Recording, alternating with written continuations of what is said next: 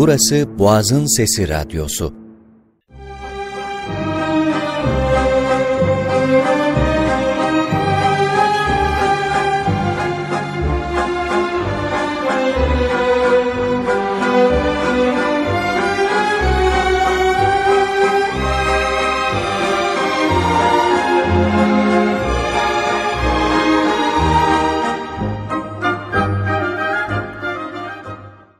Herkese iyi akşamlar. Yol Meselesi programından Üsküdar'dan herkese selam olsun.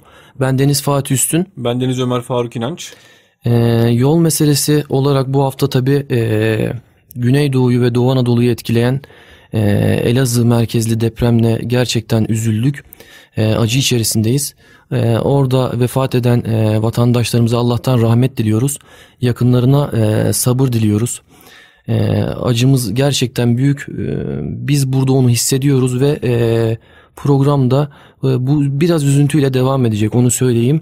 E, Ömer Faruk sen ne düşünürsün bu konuyla alakalı? Evet Elazığ depremi hepimizi üzdü. Biz Fatih seninle 99 depremini Sakarya'da yaşamış e, kişiler olarak e, bu cümleleri kuruyoruz. E, onlar için çok zor gerçekten ekranlardan izlemeye benzemiyor. Enkaz altında kalmak veya bir yakınını enkazın dışında beklemek e, gerçekten çok e, hazin tablolar. E, yaşamak onu ayrı bir durum gerçekten. E, zaten milletimiz de bunu hissediyor. Çok güzel bir feraset örneği göstererek e, yardım kuruluşlarına akan yardımlar, oraya bırakılan notlar, çocukların oyuncaklarını paylaşmaları gibi e, çok güzel tablolarla karşı karşıya kalıyoruz. Bunlar sevindirici gerçekten. E, Elazığ depreminde şöyle bir olay oldu Fatih. Çok etkileyici. E, bir Suriyeli genç e, Mahmut isminde enkaz altından bir tane bayan ve ailesini e, çıkarmış kendi elleriyle kazıyarak.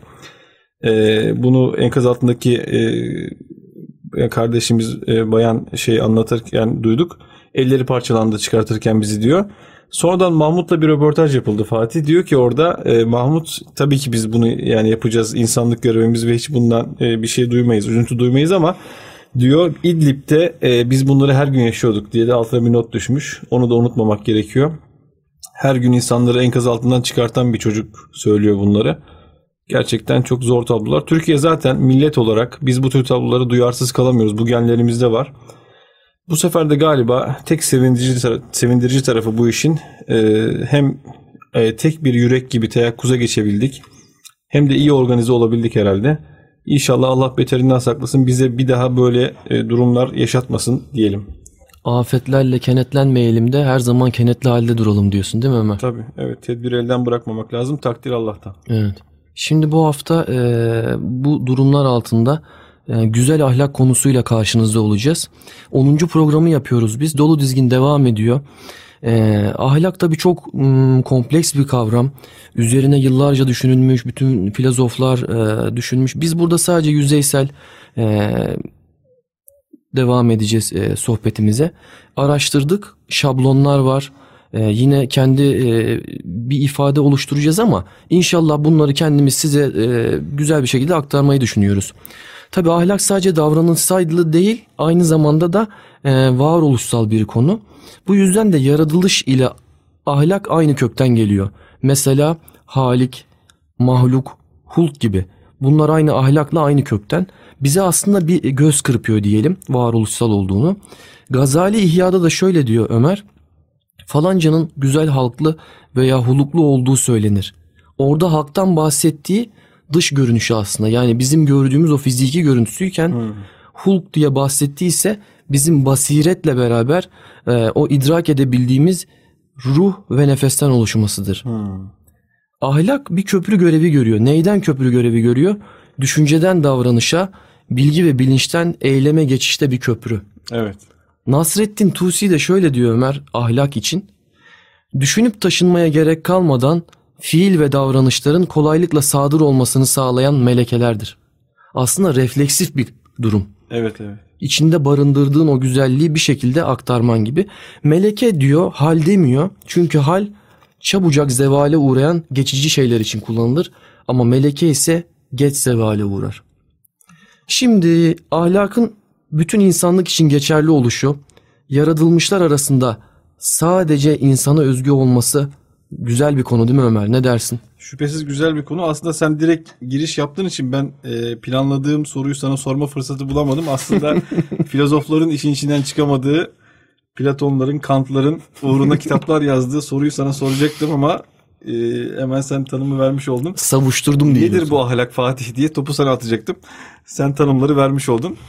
Ee, Nasrettin Tusi'den bahsettin ya onu söyleyince hemen e, onun meşhur kitabı Seçilmişlerin Vasıflarını da zikredelim. Çok güzel bir kitap gerçekten.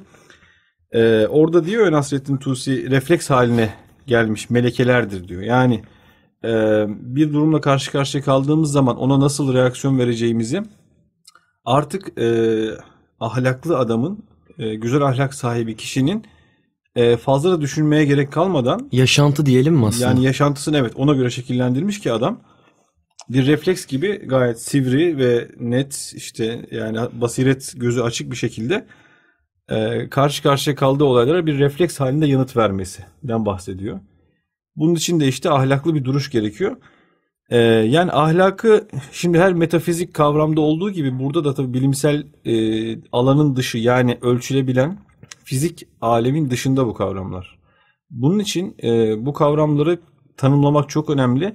Çünkü 2 artı 2 eşittir 4 eder gibi bir şey söyleyemiyoruz bunlarla ilgili. Yani herkes biraz kendince ahlak tanımı yapmış tarih boyunca fels- felsefede veya işte e, bizim dinimizde veya farklı dinlerde falan. Herkes kendince bir ahlak tanımı yapmış, sorular sormuşlar ahlakla ilgili. Ee, ama bir noktaya kadar ahlakı getirebiliyoruz. Şu- onu nereye kadar getirebildiğimizi müsaadenizle ben şey yapmak istiyorum. Biraz şablon gibi aktarmak istiyorum. Şimdi e, kainatta tek yaşayan canlı varlık biz değiliz. Yani bizim gibi yaşayan, hayat süren başka canlılar da var. Hayvanlar, bitkiler, bakteriler bile var yani. Onlar da varlıklarını e, fark, varlıklarının farkındalar. E, bir benlikleri olduğu ve dış alemin olduğunu biliyorlar. Mesela hayvanlar e, bir acıyla karşı karşıya kaldıkları zaman korunmak için kaçıyorlar. Bitkiler e, su olan tarafa doğru yönelebiliyorlar falan. Bir kainat bir de benlik algıları öyle ya da böyle var. E, bizi bize benzer şekilde. Onlar da şartlar neyi gerektiriyorsa onu yapıyorlar. Mesela Sorumluluğumuz farklı diyorsun yani değil mi farklı- Ömer? işte oraya getireceğim şimdi. E, mesela e, karın, karınları acıktığı zaman bir şey yeme yoluna gidiyorlar. İşte tehlikeyle karşılaştıkları zaman kaçma ya da savaşma yoluna gidiyorlar. İşte üreme, çoğalma gibi refleksleri var. Ama bütün bunları bu hayvanlar ve bitkiler karar vermeden yapıyorlar. Yani aynı programlanmış bir bilgisayar gibi e, şartlar neyi gerektiriyorsa onu yapıyor. Hiçbir zaman da karar vermiyorlar. Aslında bu bir nevi şey sorumluluk sahibi de olmamaları anlamına geliyor. Şöyle diyebilir miyiz? Sözünü de kesiyorum gibi. E, O zaman Afrika belgesellerinde izlediğimizde bir kaplanın bir ceylanı parçaladığında ne kadar ahlaksız bir kaplan Evet. deme işimiz buradan geliyor değil Benim mi? biraz sonra geleceğim yeri şimdiden yakaladım Fatih. Ona geleceğim. Şimdi e, hiçbir zaman karar vermiyorlar dedik. Onlar zaten cennette yaşıyorlar derler ya. Yani çünkü onların ne bir beklentileri var e, ahirette için yani ne de bir sorumlulukları var. E, çünkü karar vermiyorlar ve irade gösteremiyorlar. Bunu yapabilen tek varlık biziz kainatta bildiğimiz. Yani irade sahibi olan cüz'i irade, külli irade tanımları yapılmış. Öyle ya da böyle biz bir irade sahibiz. Yani çoktan seçebiliyoruz. Biz insan olarak şartlar neyi gerektiriyorsa onu yapmıyoruz. Biz şartlara muhalif muhalif olarak bazen şartların gerektirmediği şeylere karar verebiliyoruz. Mesela biz açken yemek yememeyi tercih edebiliyoruz. Bir hayvanın bunu yapma şansı yok. Ama biz bunu yapma, yapma şansına sahibiz. Ee, mesela inandığımız değer eğer bizim çıkarımızı e, muhalif bir şey yapmamızı söylüyorsa bazen onu tercih edebiliyoruz. Bir şeyler kaybetmek uğruna e, değerlerimizi tercih edebiliyoruz. Yani karar verebiliyoruz. Şimdi devam etmeden burada bir soruyla araya girmek istiyorum Fatih. E, buraya kadar olan şeyleri yapan insanlar da var aslında dünyada sadece. yani ben daha açık söylemeyeyim ama sadece açlıkla, sadece işte karnını doyurmakla diyelim. Sadece konforlu yaşamakla, sadece barınma yerini daha da konforlu hale getirmekle uğraşan, sadece üreme, çoğalma gibi fonksiyonları yaparak karar vermekten her zaman kaçan insanlar da yok mu yani? Şunu mu diyorsun yani? O zaman insanın eşrefi mahlukatlığı nerede kalıyor diyorsun değil Nerede kalıyor o zaman? Evet. Yani bunu bu adam çoktan seçmiyor zaten. Yani şart, şartlar neyi gerektiriyorsa onu yapıyor. Seçim yapmıyor ki bu adam. Yani o zaman nerede onun insanı insan yapan vasfı nerede kalıyor diye sormak lazım. Şimdi devam edelim Fatih. E, karar verebiliyoruz dedik. Tamam eyvallah ama neye göre karar vereceğiz? Burada yeni bir soru gündeme geliyor. Şimdi mesela e, testlerde falan okullarda bize soruluyor işte diyelim büyük olanı küçük olandan ayırınız falan gibi. Burada çok rasyonel bir şekilde karar verebiliyoruz. Neye göre? Büyüklüğe göre karar veriyoruz tamam mı? Yani küçük olanı büyük olandan kolayca ayır. Çünkü matematiksel bir durum var ortada. Ama e, hayatın aslında çok küçük bir kısmı fiziksel ve matematiksel olarak ifade edilebiliyor. Hayatın büyük kısmı e, metafizik dediğimiz fizik alanın dışında kalıyor. Mesela yani birinin bize duyduğu bir sevgiyi ölçebilir miyiz yani? Rakamlarla ifade etmemiz mümkün değil. Veya bir annenin çocuğuna duyduğu şefkati ölçebilir miyiz? Mümkün değil. Yani birçok şey yapılan bir fedakarlık ne kadardır? Kaç metredir? Yani böyle bir şey yok. Bunlar hepsi bilimin dışında kalan alanlar. İşte biz e, hayatın çoğunda karar verirken metafizik durumlara göre karar vermemiz gerekiyor. Yani inandığımız değerlere göre karar vermemiz gerekiyor.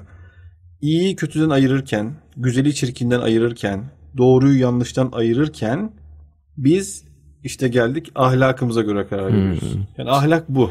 Çok güzel. Bir Ee, buraya kadar yani bütün bu hani kavramsal belirsizliklerin ortak olarak geldiği yere kadar gelebiliyoruz burada. Yani bizim uğruna kararlarımızı şekillendirdiğimiz değerler sistemi ahlak.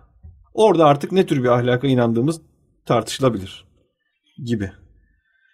Yani burada tabii e, hangi değerler sistemine inanıyoruz, neye inanıyoruz, ahlakımız iyi mi kötü mü bunların hepsi konuşulacak şeyler. Senin anlattıklarından ben şunu çıkarttım Ömer. Farklı kaynaklardan çalıştık.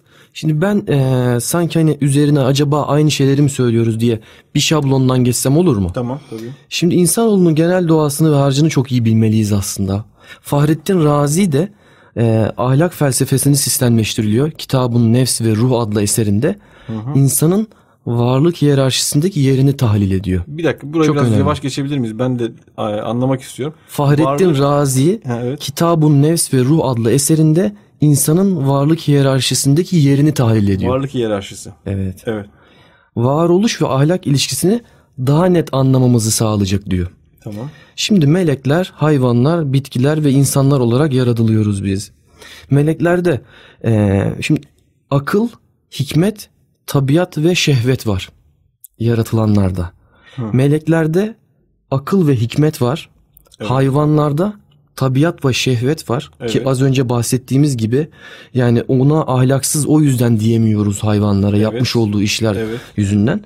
Bitkilerde herhangi bir şey yok Ömer. Ee, akıl, hikmet, tabiat ve şehvet yok. İnsansa bunların hepsini barındırıyor. Hı hı. Akıl, hikmet, tabiat ve şehvet. Şimdi ahlakın öznesi olan insan niye ahlakın öznesi? İşte bu yüzden. Hmm. Çünkü akıl hikmet terazisi bir tarafta dururken terazinin bir tarafında akıl hizmet, Evet. diğer tarafında arzu ve dürtüler. Yani varlık hiyerarşisinde insanı en üst noktaya koyan e, bu iki taraftaki yani tabiri caizse iyiler ve kötüler diyelim e, kefelerinin ortasında insanın duruyor olması değil mi? Ve onu e, yönlendirici irade vasıtasıyla Evet. bunu akıl ve irade, akıl ve hikmet irade de diyebiliriz. Evet. E, yine doğamızdaki içkin adaletle e, içkin adalet devreye giriyor ve e, bunu güzel bir şekilde dengeliyor, sağlıyor. Evet. İşte insanı ahlakın öznesi yapan da bu teraziyi dengede tutabilmektir. Ya işte. Evet. Mesela zahitler kendini tekkiye kapattığı vakit insan ne kadar eee, o duyguyu yaşasa bile içerisindeki o ve o arzu, o dürtüler devam ediyor. Hı hı. Yok etmiyor. Çünkü bu insanın doğasına aykırı bir durum. Yaratılışına aykırı bir durum. Eee, o yüzden zaten insan eee, kemale erdim tamamen diyemiyor. Diyemiyor. Çünkü o nüve kendini her zaman son nefese kadar Devam ettiriyor. devam Çünkü ettiriyor. bizim içimizde o saydığın dört tane unsurun hepsi var. Yani bir tarafta hikmet var, akıl var, bir tarafta tabiat ve şehvet var. Yani Allah bize bunları koymuş içimize. Zaten imtihanın hani sırrı da buradan kaynaklanıyor. Hmm, Sorumluluk var, imtihan var gibi imtihan aslında. var. Ve insan ne kadar seyri sülûk ederse, çalışırsa bile o tabiatı sıfırlayamıyor değil mi? Yani ancak minimize edebiliyor. Bu da şu anlama geliyor. Hayatımızın sonuna kadar imtihan bitmeyecek yani. Değil mi? Yani sorumluluktan daha doğrusu kurtulamayacağız anlamına geliyor. Sen dedin ya hani şey diye e, insan eşrefi mahlukattır diye. O boşuna değil işte. Bu seçim yapabilecek tek varlık insan çünkü e, doğruyla yanlış ayırt etme kapasitesine sahip olan e, hayati inancın hocamızın çok da sık bahsettiği her bir beyti bir kişisel gelişim kitabına denk gelir dediği Hmm. Şeyh Galip'in Galip dedenin bizim Hüsnü Aşk'ın e, şeyi Mevlevi yazarı, yazarı Mevlevi Şeyhi dedesi Şeyh Galip'in ki 42 yaşında vefat ediyor Fatih. Şeyh Galip onu da söyleyelim. 42 yaşında vefat ediyor. Hayata damgasını vurmuş. Vurmuş ya. Biz şu anda Yani burada onun Evet. söylediklerini anlıyoruz. Anlıyoruz. 25 yaşında Hüsnü Aşk'ı yazmış. Çok öyle güzel bir ya. şey. Orada Hüsnü Aşk'ta öyle beyitler var ki yani günümüzdeki sinema sahnelerine taş çıkartır. Yani yazı olarak hem de. Yani hiçbir kamera kullanmadan insanın muhayyilesinde öyle bir tasavvurlar canlandırıyor ki mesela bir soğuk havayı öyle bir tasvir ediyor ki Çok güzel. bir ya. beyitte. Yani o soğuk havayı iliklerinizde hissediyorsunuz. O gecenin e, beyazlığı e, donmuş bir civa gibiydi diyor mesela çiğ taneleri yaprakların Hmm. üzerinde. Bunu gözünüzün önünde getirdiğiniz zaman gerçekten ne kadar yani bir kamerayla ancak müthiş bir efektlerle bu ifade edilebilir seyirciye. Kendi adıma bir e, hayıflandığım noktayı söyleyeyim Ömer. Belki dinleyenler de diyecektir. Onlar ne düşünüyor bilmiyorum ama Şeyh Galip'i direkt anlayamamak çok üzüntü verici değil mi yani? Evet. Kelimeler olarak mı diyorsun? Kelimeler Dil olarak, Evet, evet. dil olarak yani o halbuki onu biz öyle bir okumalıyız, öyle bir içerimize almalıyız ki anlattıklarını. Evet. Biz sanki sözlük kullanılarak onu anlayacakmışız gibi Evet. e, çok içimi yaralıyor gerçekten. Maalesef öyle. Mesela o beyitte şöyle diyor. Şebnem yerine döküldü simap diyor. Hadi bakalım. Şimdi bunu sözlüğe bakmadan anlayabilsek keşke. Şebnem dediği çiğ tanesi yaprağın üzerindeki. Simap dediği de civa. Yani Evet. o kadar donmuş bir haldeydi ki tabiat diyor. E, Çiğ tanesini biz civa gibi gıpgri ve ağır bir şekilde görüyorduk. Bu gerçekten insanın etrafın soğukluğunu hissettiren bir tablo. Neyse bunu 25 yaşında yazmış tekrar söyleyelim. Dönüyoruz şeye. e, Ahlak. Ahlaka. Güzel ahlak. Şeyh Galip e, hayati inancın bahsettiği ey dil ey dil diye başlayan e, merdümü dideye ekvan olan Ademsin sen redifli e, şiirini orada şunu söylüyor işte. Hoşça bak zatına kim zübde-i alemsin sen merdümi dide-i ekvan olan Ademsin sen. Yani e, sen kendini küçük görme sakın. Kendine hoş bak. E, zübde-i alem yani alemin göz bebeğisin sen diyor. Merdümü dide-i ekvan olan Ademsin sen. Yani iki dünyanın e, yine göz bebeği olan insansın, Ademsin diyor. O şiir mesela okunmalı, bilinmeli, bize bir rehber olabilecek şey. İşte, işte insanın alemin göz bebeği olması da bu ahlak durumundan kaynaklanıyor herhalde. Ama nasıl ahlak? Güzel ahlak. Güzel ahlak. Evet. Peygamber Efendimiz de demiyor mu Ömer? Ben ancak güzel ahlakı tamamlamak için Tamamlamak gönderildim için diye. gönderim. Evet. Az önce bahsettiğimiz insanın o doğal harcındaki durumu ahlaka aslında bir e, mimari e, yapıya benzetirsek Ömer e, sadece bu e, içerisindeki o harç değil e, temeli, sütunları e, bir bina olarak düşünebiliriz. Peki sadece akıl, hikmet, tabiat ve şehvet mi var bunun içinde? Tamam o harcı dedik. Güzel bir ahlak mimarisi oluşturuyorsak temeline irade, özgür bir ruh ve niyetler, iyi niyetler oluşturması lazım. Hmm.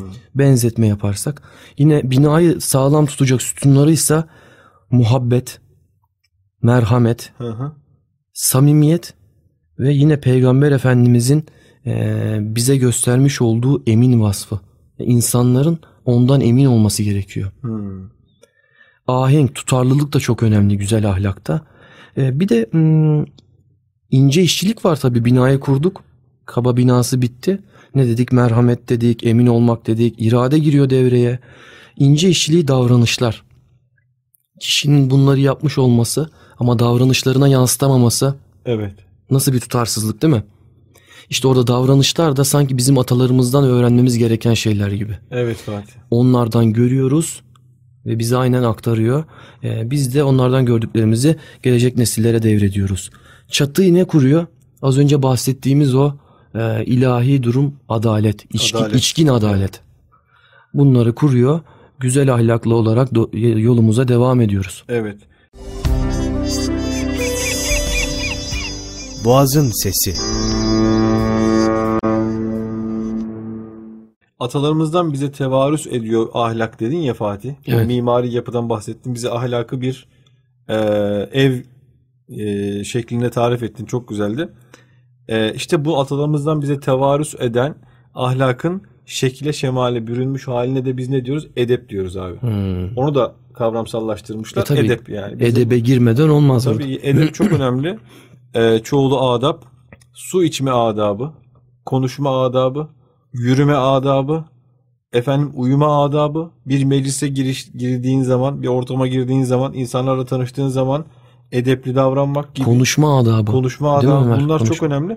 Yani ahlakın bu ahlak e, şeyin ne diyelim e, kavramının metafiziğinin daha doğrusu günlük hayatımıza yansıması, şekil şemale bürünmesi ve bize gün içerisinde nasıl davranmamız gerektiğini anlatan pratik hallere de edep deniyor. Hmm. E, şey kim inşallah hatırlarım. Bir kelimeyle Kur'an-ı Kerim'i ifade edecek olsam diyor. Herhalde edep kelimesini tercih ederdim diyor. Çok Ee, güzel. Hatırlayamadım sözlüğü söyleyeni ama yani edep çok önemli işte bu ahlakın E zaten hali. Peygamber Efendimiz Kur'an ahlakıyla ahlaklanmadı mı Ömer? Evet, O da dolayısıyla güzel ahlak, edep Tabii. değil mi? Ana teması o olmuş oluyor. evet. Ee, şimdi güzel bir soruyu soracağım. Molamızı vereceğiz. Sorunun cevabını şarkıdan sonra e, hep beraber alacağız. Ahlakın yaratılıştan mı geldiği yoksa tecrübe ve terbiye ile mi elde edildiği yıllardır tartışılan bir konu Ömer. Cevabını vereceksin değil mi Fatih? Yani bana sor, soracaksan arada- Tamam programı biz yapıyoruz ama e, cevapların hepsini de benden beklemeyin. Bu soruyu kendinize sorun siz ne düşünüyorsunuz? Şarkımızı dinleyelim az sonra güzel ahlakla beraberiz. Bahçede hanım eli sen ettin beni deli Gel gülüm gel sen ettin beni deli. Gel gülüm gel. Zorla güzellik olmaz. Sevmeli sevdirmeli Gel gülüm gel. Sevmeli sevdirmeli Gel gülüm gel. Bahçede hanım eli sen ettin beni deli. Gel gülüm gel sen ettin beni deli. Gel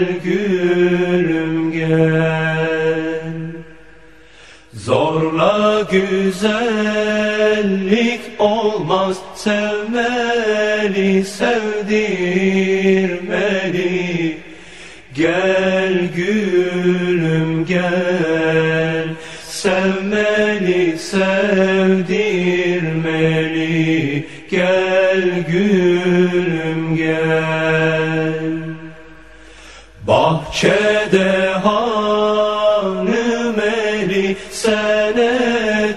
beni deli Gel gülüm gel sen ettin beni deli Gel gülüm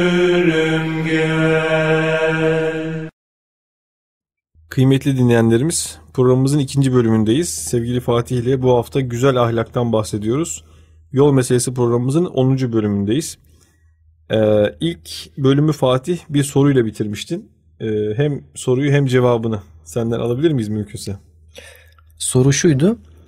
Ahlakın yaratılıştan mı geldiği yoksa tecrübe ve terbiye ile mi elde edildiği yıllardır tartışılıyor. Siz peki bu konuyla alakalı düşündünüz mü? Biz araştırmalarımızda bir şeyler e, bulduk. Şimdi kadim tip anlayışında evreni oluşturan makrokozmoz var. Bunlar hava, su, toprak ve ateş. Yine insanı oluşturan e, dört sıvı var. Kan, balgam, kara safra ve sarı safra. Bunlar tabi insanların mizacına yansıyor. Demevi, balgami, safravi ve sevdavi mizaçların oluşumundan bu e, yapıların sorumlu olduğu tutuluyor. Katip Çelebi bu mizaçlarla ilgili tasnifi Dusturul Amel adlı kitabında 1652'de e, yararlanarak yayımlıyor. Onu da toplumsal e, çöküntüyü fark ediyor Ömer. Orada e, bu mizaçlardan yararlanarak Osmanlı Devleti'ne uyarlıyor ve 1652'de bu kitabı yayınlıyor. Çok ilginç. Yani 1600'lü yıllarda Katip Çelebi'nin toplumsal çöküşle ilgili bir şey söylemesi gerçekten e, dikkate değer. Çünkü o zaman her şey güllük gülistanlıkmış gibi algılanıyordu. Ne diyor bu acaba demiş olabilirler. Demiş olabilirler ama tabii bu bir basiret aslında. ileriye dönük. Demek ki o zamanki yavaş yavaş başlayan çökmeyi, çözülmeyi hissetmiş yani. Tamam. Katip Çelebi, kadim tıp dedik. Ne yani bu? Yaratılıştan geldiğini ve çok değişmeyeceğini söylüyor. E böyle kalacak mı? Ali Fuat Başgil Hoca da Gençlerle Baş Başa kitabında bunu daha önceki bölümlerimizde biz söylemiştik. Bize umut aşılıyor gerçekten. Yani biz yaratıldık ve ırsi olarak kalmıyor bu durum. Çevreden etkileniyor diyor. Ben bu bölümü sizden direkt okuyacağım. Ee, size direkt okuyacağım. Gençlerle Baş Başa kitabından Ali Fuat Başgil Hoca'nın Huylarımızın hepsi de ne aynı cinstendir ne de aynı amillerin eseridir. Bir kısım huylarımız esasen fitri ve bünyevidir. Bu huylarımız ya ırsidir veya uzvidir. Bu huyları ya dünyaya gelirken beraber getirmekteyiz yahut mizacımızın bir eseri ve neticesi olarak yüklenmekteyiz. Nihayet bir kısım huylar da tamamıyla sonradan kazanılmıştır. Bunları daha ana kucağından itibaren ailemizden, mektep ve mahalle gibi içtimai muhitten ve meslek hayatımızın icaplarından almakta, birer ikişer öteden beriden toplayıp ruhi benliğimize mal etmekteyiz. Irsi huyların kökten değiştirilebileceğine düşmanlarım inansın diyor. Mizaçtan doğan huylar güç olmakla beraber değiştirilebilir. İtiyatla elde edilen ve tamamıyla müktesep olan huyları ise sıkı bir irade kontrolüne ve nefis mücadelesine tabi tutarak tasih edip değiştirmek daima elimizdedir diyor. Evet. Yani benim mizacım böyle arkadaş. Ben bu işlere gelemiyorum diyebiliyor muyuz? Diyemiyoruz herhalde. Zaten çok değişken bir hayatta değil miyiz? İnsan 5 evet. sene önceki haliyle şimdiki bir oluyor mu Ömer? Yaşadıkların, çevresel faktörler, girmiş olduğun ortamlar. Zaten sürekli değişiyoruz yani. Ee, Ve Allah'ın yarattığı bir evet. kulunu sabit bırakması. Evet. Ya bunu zaten Sanki. düşünen insanlar e, şey yapmışlar. Yunan felsefesinde bile demişti ya yani aynı nehirde iki kere yıkanamazsınız. Sürekli değişiyor çünkü nehir de değişiyor, insan da değişiyor. Hiçbir şey aynı kalmıyor. Yani günümüzde en sık kullanılan bahanelerden biri bence bu. Hani bize zor geldiği zaman ahlaklı duruş, edepli duruş, biraz keyfimizi kaçırdığı zaman ben böyleyim diye işin içinden... Beni böyle çıkma. kabul et, fıtratım bu. Evet, fıtratım bu, mizacım böyle gibi şeylerle yani o bahanelere sığınmak günümüzde çok sık rastlanıyor. Böyle bir durum herhalde yok gibi. Sen bu e, ahlak mevzusunun yaratılıştan mı geldiği, sonradan mı kazanıldığından bahsedince bir şey aklıma geldi. Ee, sevgili Oğuz e, arkadaşımız, dostumuz bize bundan bahsetmişti. Bu hafta ahlaktan konuşacağımızı e, duyunca. Diyanet İşleri Başkanlığı'nın bir anketi var. İnsanlara soruyorlar. Ahlak ile sizce dini inancın alakası nedir diye. Yani çeşitli dereceler var ama e, özetle şöyle bir sonuç ortaya çıkıyor. %60'ı toplumun e, ahlakın din ile kaçınılmaz bir şekilde bağlı olduğunu düşünürken aradaki e, farklı cevaplar da var ama %20'si de dinle ilgisi yoktur gibi düşünüyor. Yani beşte biri dinle ilgisi yoktur gibi düşünür, düşünürken e, her 100, 100 kişinin 60 tanesi de ahlakın kaçınılmaz bir şekilde dinle alakalı olduğunu söylüyor. Yani esasında herhalde bizim tabi değerler sistemimizi, e, algımızı, hayatı anlamlandırmamızı, hayatın bütününü açıklayan bizim inancımız oluyor yani. Çeşitli felsefeler var, ideolojiler var mesela 19. yüzyılda ideolojiler, ideolojiler çağı yaşandı dünyada.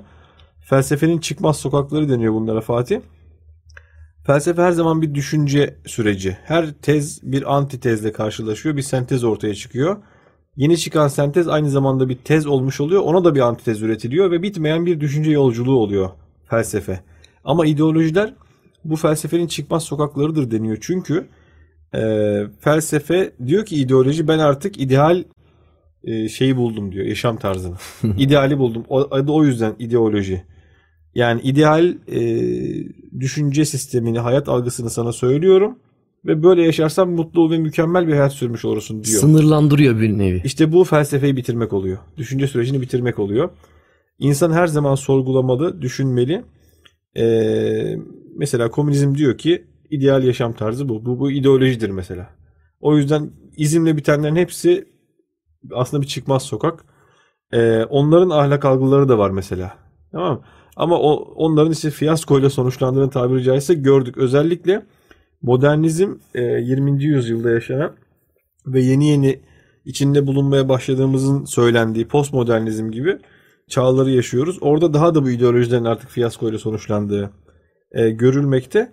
Yani biz herhalde her zaman düşünce ve sorgulama gözlüğünü gözümüzde tutarak en iyi ahlakı neyin bize önerdiğinin farkında olmamız gerekiyor. Yani inançlarımızın kıymetini bilmemiz gerekiyor. Bize verilmiş akılla bunu e, aslında düşünüp, bulmamız gerekiyor. Yani gerçekten insan düşündüğü zaman ben bunu çok yani kendi hayatımda samimiyetle söyleyebilirim. Çok tecrübe ettim ve düşünmeye de devam ediyorum. E ne bir ideolojik kapitalizm, komünizm, sosyalizm gibi veya neyse ideolojik yaklaşım ne de bir işte tahrif olmuş dinler veya uzak doğu dinleri gibi çok böyle masum, pasif, barışçıl da gözükse e mesela Budizm gibi neler yaptığını görüyoruz Budistlerin. O Budist keşişlerin Müslümanlara neler çektirdiğini görüyoruz Myanmar'da. Ne kadar masum gözükse bile hiçbir düşünce sisteminin ahlakı bu kadar İslam kadar ön plana çıkartmadığını düşünüyorum. Boğazın Sesi Aslında bizim e, elimizde öyle güzel bir cevher var ki tam anlamıyla bunun hakkını da veremiyoruz galiba Ömer. Evet. Diğer dinleri gördüğümüz zaman bir yerde patlak veriyor ama değil mi? Veriyor. Sanki böyle hani iyilik timsalleri, Evet. e, ahlaki zirveye ulaşmış insanlar gibi. E, bunu yakın zamanda Avustralya'da da gördük koalalarla fotoğraf Evet, çektiren. evet, evet. Onları e, enjektörle beslerken böyle gülücükler atan. Ama ne oldu? O kişiler ne yaptılar? Yani bir maddi e, nasıl bir deve günde 100 litre e, su tüketiyormuş gibi bahaneleriyle halbuki rızkı veren olan Allah olduğunu unuttular ve daha sonrasında yaşanan sel felaketi biliyorsun. Evet. Budizm'den bahsediyorsunuz. İnsanlar buradan charter uçaklarla e, onun felsefelerini öğrenmeye gidiyorlar Ömer biliyor musun? Hı hı. Yani uçağa atlayıp Evet. Grandmaster buldum kendime diye. evet Yaşam koçu. belli bir e, süre orada takılıyor. Halbuki e, yaptıklarını görüyoruz biz. Evet. Yani biz sahip olduğumuz inanç ve değerlerin ki bunun formülize edilmiş, hayata uygulanmış edep e, gibi şeylerle pratik hayata dökülmüş, toplumsal hayata da yaşatılmış bir medeniyet ve kültürün mirasçılarıyız zaten. Yani bunu düşünmek gerekiyor. Biz şimdi yeni bir şey böyle oturup icat etmeye falan da çalışmıyoruz yani. Öyle bir zor görevimiz de yok aslında. E zaten biz daha önce çok müreffeh bir toplum olmuşuz yani zamanında. İnsanların ümitle baktığı, insanların zorluk yaşadığı zaman aynı bugün olduğu gibi sığındıkları, şeydeki İspanya'daki Yahudiler gibi, Macar kralı gibi mesela tarihte bir sürü örnek var. Yani Müslim gayrimüslim kim olursa olsun Japonya'sından Endonezya'sına kadar bizim toplumumuzda bir adalet, bir hakikat, bir merhamet şeyi görüp, ışığı görüp oraya gelmişler yani. Daha önce bunu da yapmışız aslında. Avrupa ve diğer e, medeniyetlere baktığımızda Ömer, Sigmund Bauman şöyle e, tarifliyor. Yeryüzünde yaşanan herhangi bir e, olumsuz olay olduğunda ona kendini kapatan toplum, ahlaki körlük diyor buna. Hmm. Kendi rahatını, konforunu bozmamak için o anda onu yok sayıyor. Yok sayıyor. Ya televizyonda zaplamak gibi düşün bunu. Evet. Bizim öyle bir ihtimalimiz var mı? Yani Elazığ'da deprem oluyor, aynen yaşıyoruz. Doğu Türkistan'da kardeşlerimiz katlediliyor, Evet. aynen yaşıyoruz. Yine e, Suriye'de. Yani böyle bir ihtimalimiz var mı? Ya ahlaki kör olmamalıyız.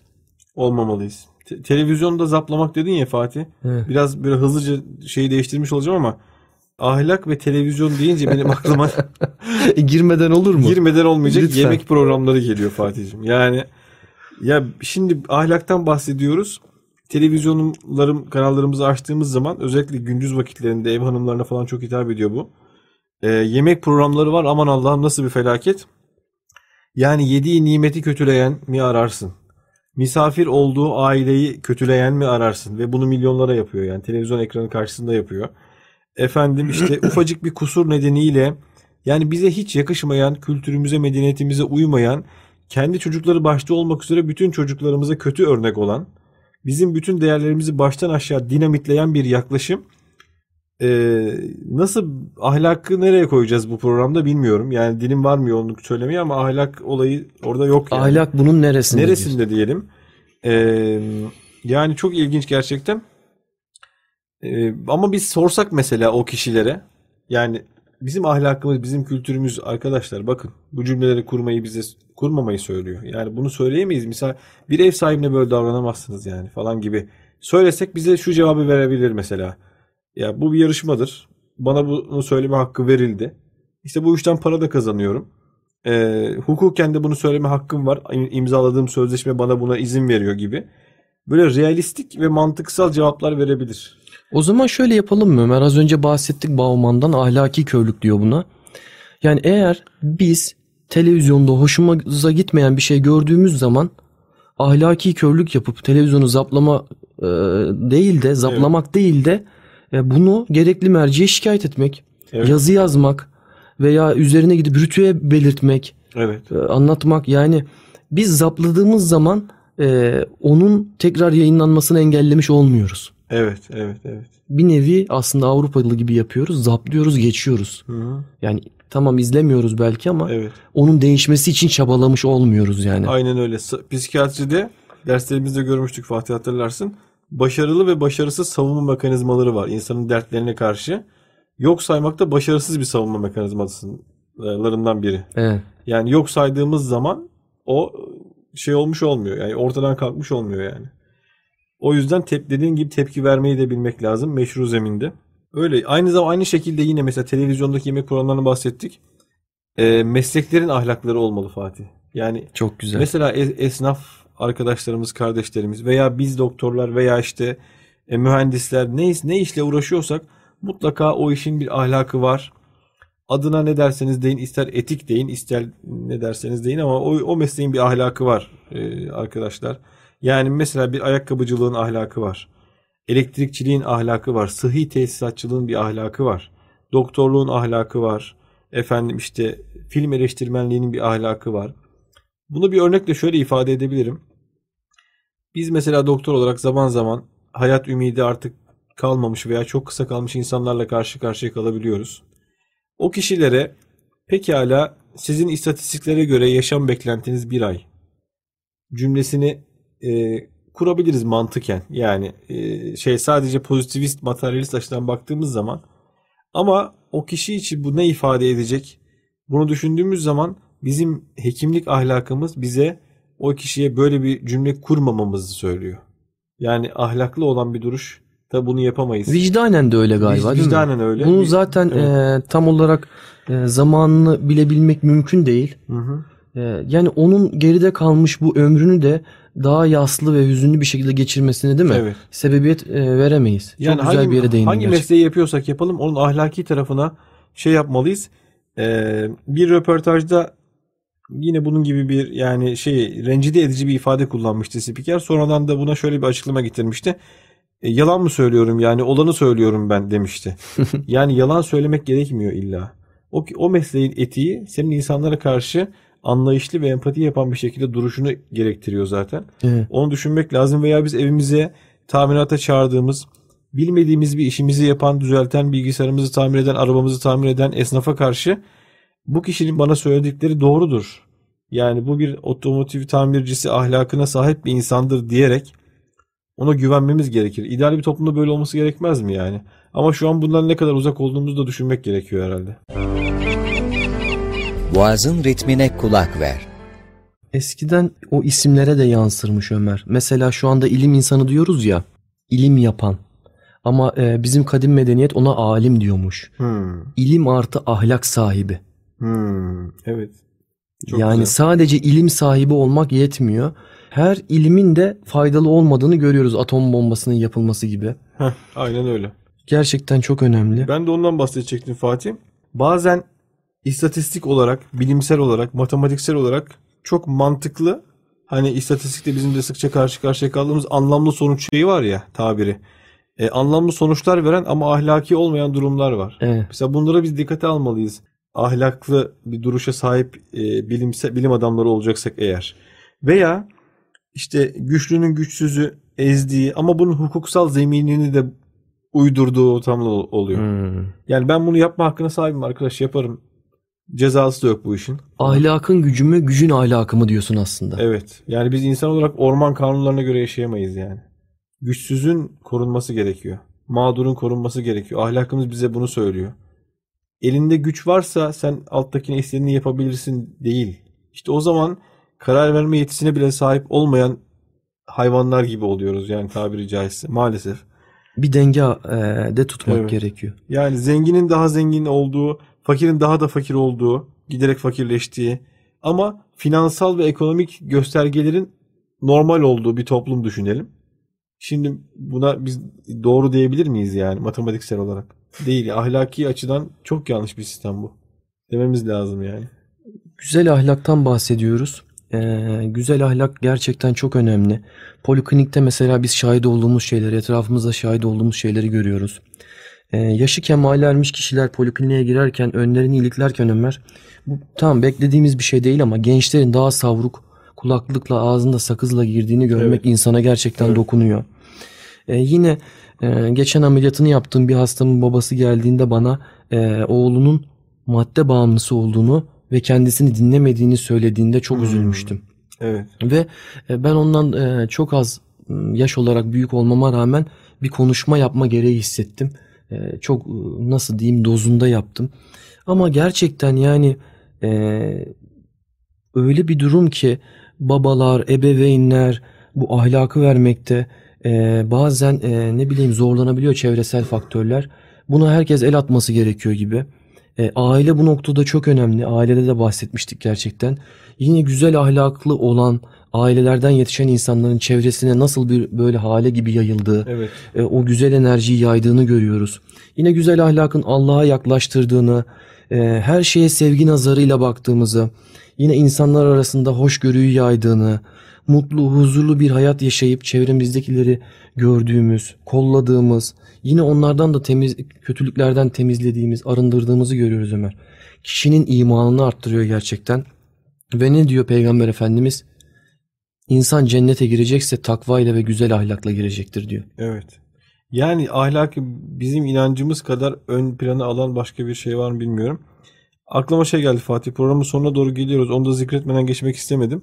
Mehmet Akif Ersoy'un ki bir ahlak timsali kendisi. Her Hmm. açıdan hayatının yani safahatın okunması, şiirlerinin bi- bilinmesi bir yana Mehmet Akif'in hayat hikayesi, e, karakteri, seciyesi, ruhu ve davranışları gerçekten e, yani ibretle incelenmesi gereken bir hayat hikayesi. Çok güzel.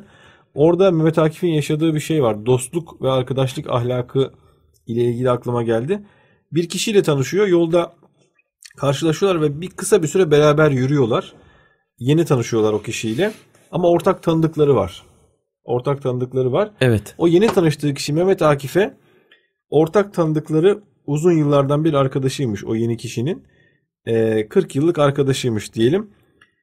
Onun hakkında olumsuz bir şey söylüyor Mehmet Akif'e. Mehmet Akif de tabi sivri karakterli bir adam. Hiçbir şey söylemeden adamın yanından ayrılıp gidiyor.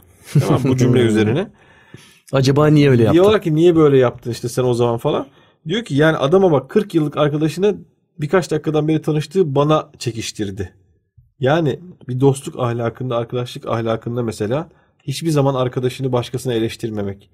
E Yani mertsen eğer onun yüzüne söylemek düzeltsin diye. Az önce bahsettik ya Evet. davranış aslında değil mi Ömer? Tabii günlük hayatın içinden bunlar işte ahlak örnekleri yani. Çok önemli. Yani Şimdi aslında Buyur Fatih. özetleyecek olursak Hı şöyle toparlayalım artık. E, sonlara da yaklaşıyoruz Ömer. Sen az sonra güzel bir şiir okuyacaksın bize Mehmet Akif Ersoy'dan inşallah. E, Blue çağına girdikten sonra insan bazı sorumluluklar e, kazanıyor tabii ki. E, üç özne işin içine giriyor ve doğadaki özne oluşunu insanın bu üç özneye bağlıyoruz. Ve bu üç özne oluşun da birlikte ve ahenk içinde yaşanmasıyla sağlanıyor ahlaklı oluş. Bedeni özne oluş neslin devamı e, kapasitesine ulaşmakta. Yani tabiat ve şehveti e, dizginlemeye kastediyor. Bedeni özne olma. Zihni özne olma akledebilme yeteneğin olgunlaşmasını kastediyor. Ahlaki ve hukuki özne olma ise artık irade var, sorumluluk var devrede. evet.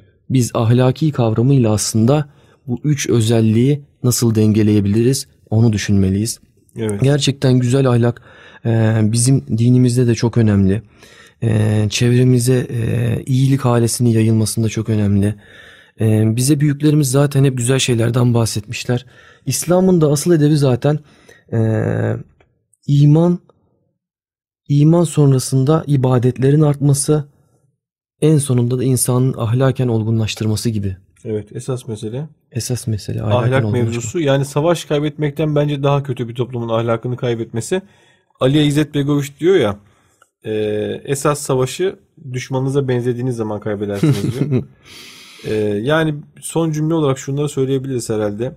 Yani çıkarımıza, maddiyatımıza, mal mülkümüze, evimize, arabamıza, birikimimize, makamımıza, otoritemize muhalif e, olup onlara ters olsa bile yine de ahlakımızın peşinden gideceğiz. Bizim sloganımız bu olmalı yani. Ahlak önce ahlak ondan sonra geri kalan teferruat diyelim. Yine az önce bahsettiğimiz Mehmet Akif Ersoy, Akif merhumdan safahatından güzel bir şiir okuyarak programımızı nihayetlendirelim. Ee, diyor ki Akif merhum ne irfandır veren ahlaka yükseklik ne de vicdandır. Fazilet hissi insanlarda Allah korkusundandır. Yüreklerden çekilmiş farz edilsin havf-ı yezdanın, ne irfanın kalır tesiri katiyen ne vicdanın. Hayat artık behimidir. Hayır ondan da alçaktır. Ya hayvan bağ- bağlıdır fıtratla, insan hürri mutlaktır. Behaim çıkmaz amma hakikatin sabit hududundan, beşer hala habersiz böyle bir kaydın vücudundan. Meğer kalbinde Mevla'dan tehaşi hissi yer tutsun, o yer tutmazsa hiç manası yoktur kaydı namusun diyor ve devam ediyor şiir. Biz burada noktalayalım. Ee, ahlak konusunda Mehmet Akif Ersoy. Çok güzel gerçekten. Ahlak öyle hmm, bir programda anlatılacak bir konu değil Ömer. Evet. E, Üzerine çokça konuşulacak konu. Biz toparlamaya çalıştık. Kendimizin kafasında bir şeyler oturdu ama size inşallah anlatabilmişizdir. E, sona geldik artık. E, ben Ömer önce kitabı mı tanıtırsın? Kitabı tanıtalım öyle bitirelim. Olur. Ee, bu hafta Bostan ve Gülistan kitabını seçtik size Fatih'le beraber. Ee, Sadi Şirazi'nin yazmış olduğu iki kitap aslında. Bostan kitabı ve Gülistan kitabı. Günümüzde genelde ikisi beraber basılıyorlar. Ee, Birçok yayın evinden çıkmış basımları var. Sadi Şirazi e, İran'da 13. yüzyılda yaşamış bir düşünür, arif kişi. Şiirsel bir üslupla e, hikmetli sözlerden oluşuyor Bostan ve Gülistan. Ee, okuyucuya keyifli ve hikmetli bir e, serüven sunuyor. Yani her kitaplıkta, her evde değil mi Fatih bulunması gereken Mutlaka. kitaplarımızdan bir tanesi klasik bir metin, e, bir doğu klasiği diyelim. Bunu da bu şekilde söylemiş olalım. E, bu hafta da güzel bir program olduğunu düşünüyoruz. E, bu sosyal medya hesaplarını hep tanıtma işi bana kalıyor Ömer. Buyur lütfen Fatih ne demek? Teşekkür ediyorum sağ olasın. Instagram e, adresimiz yol alt tire meselesi.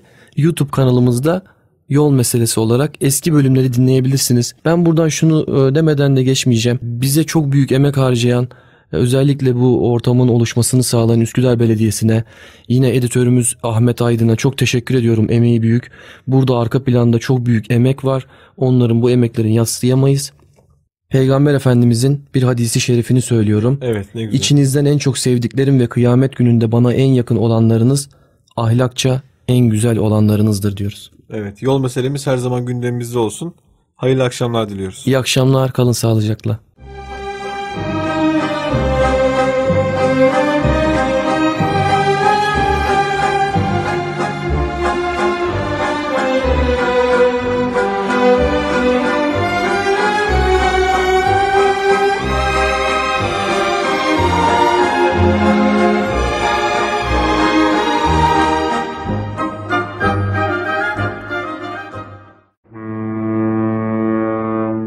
Burası Boğaz'ın Sesi Radyosu.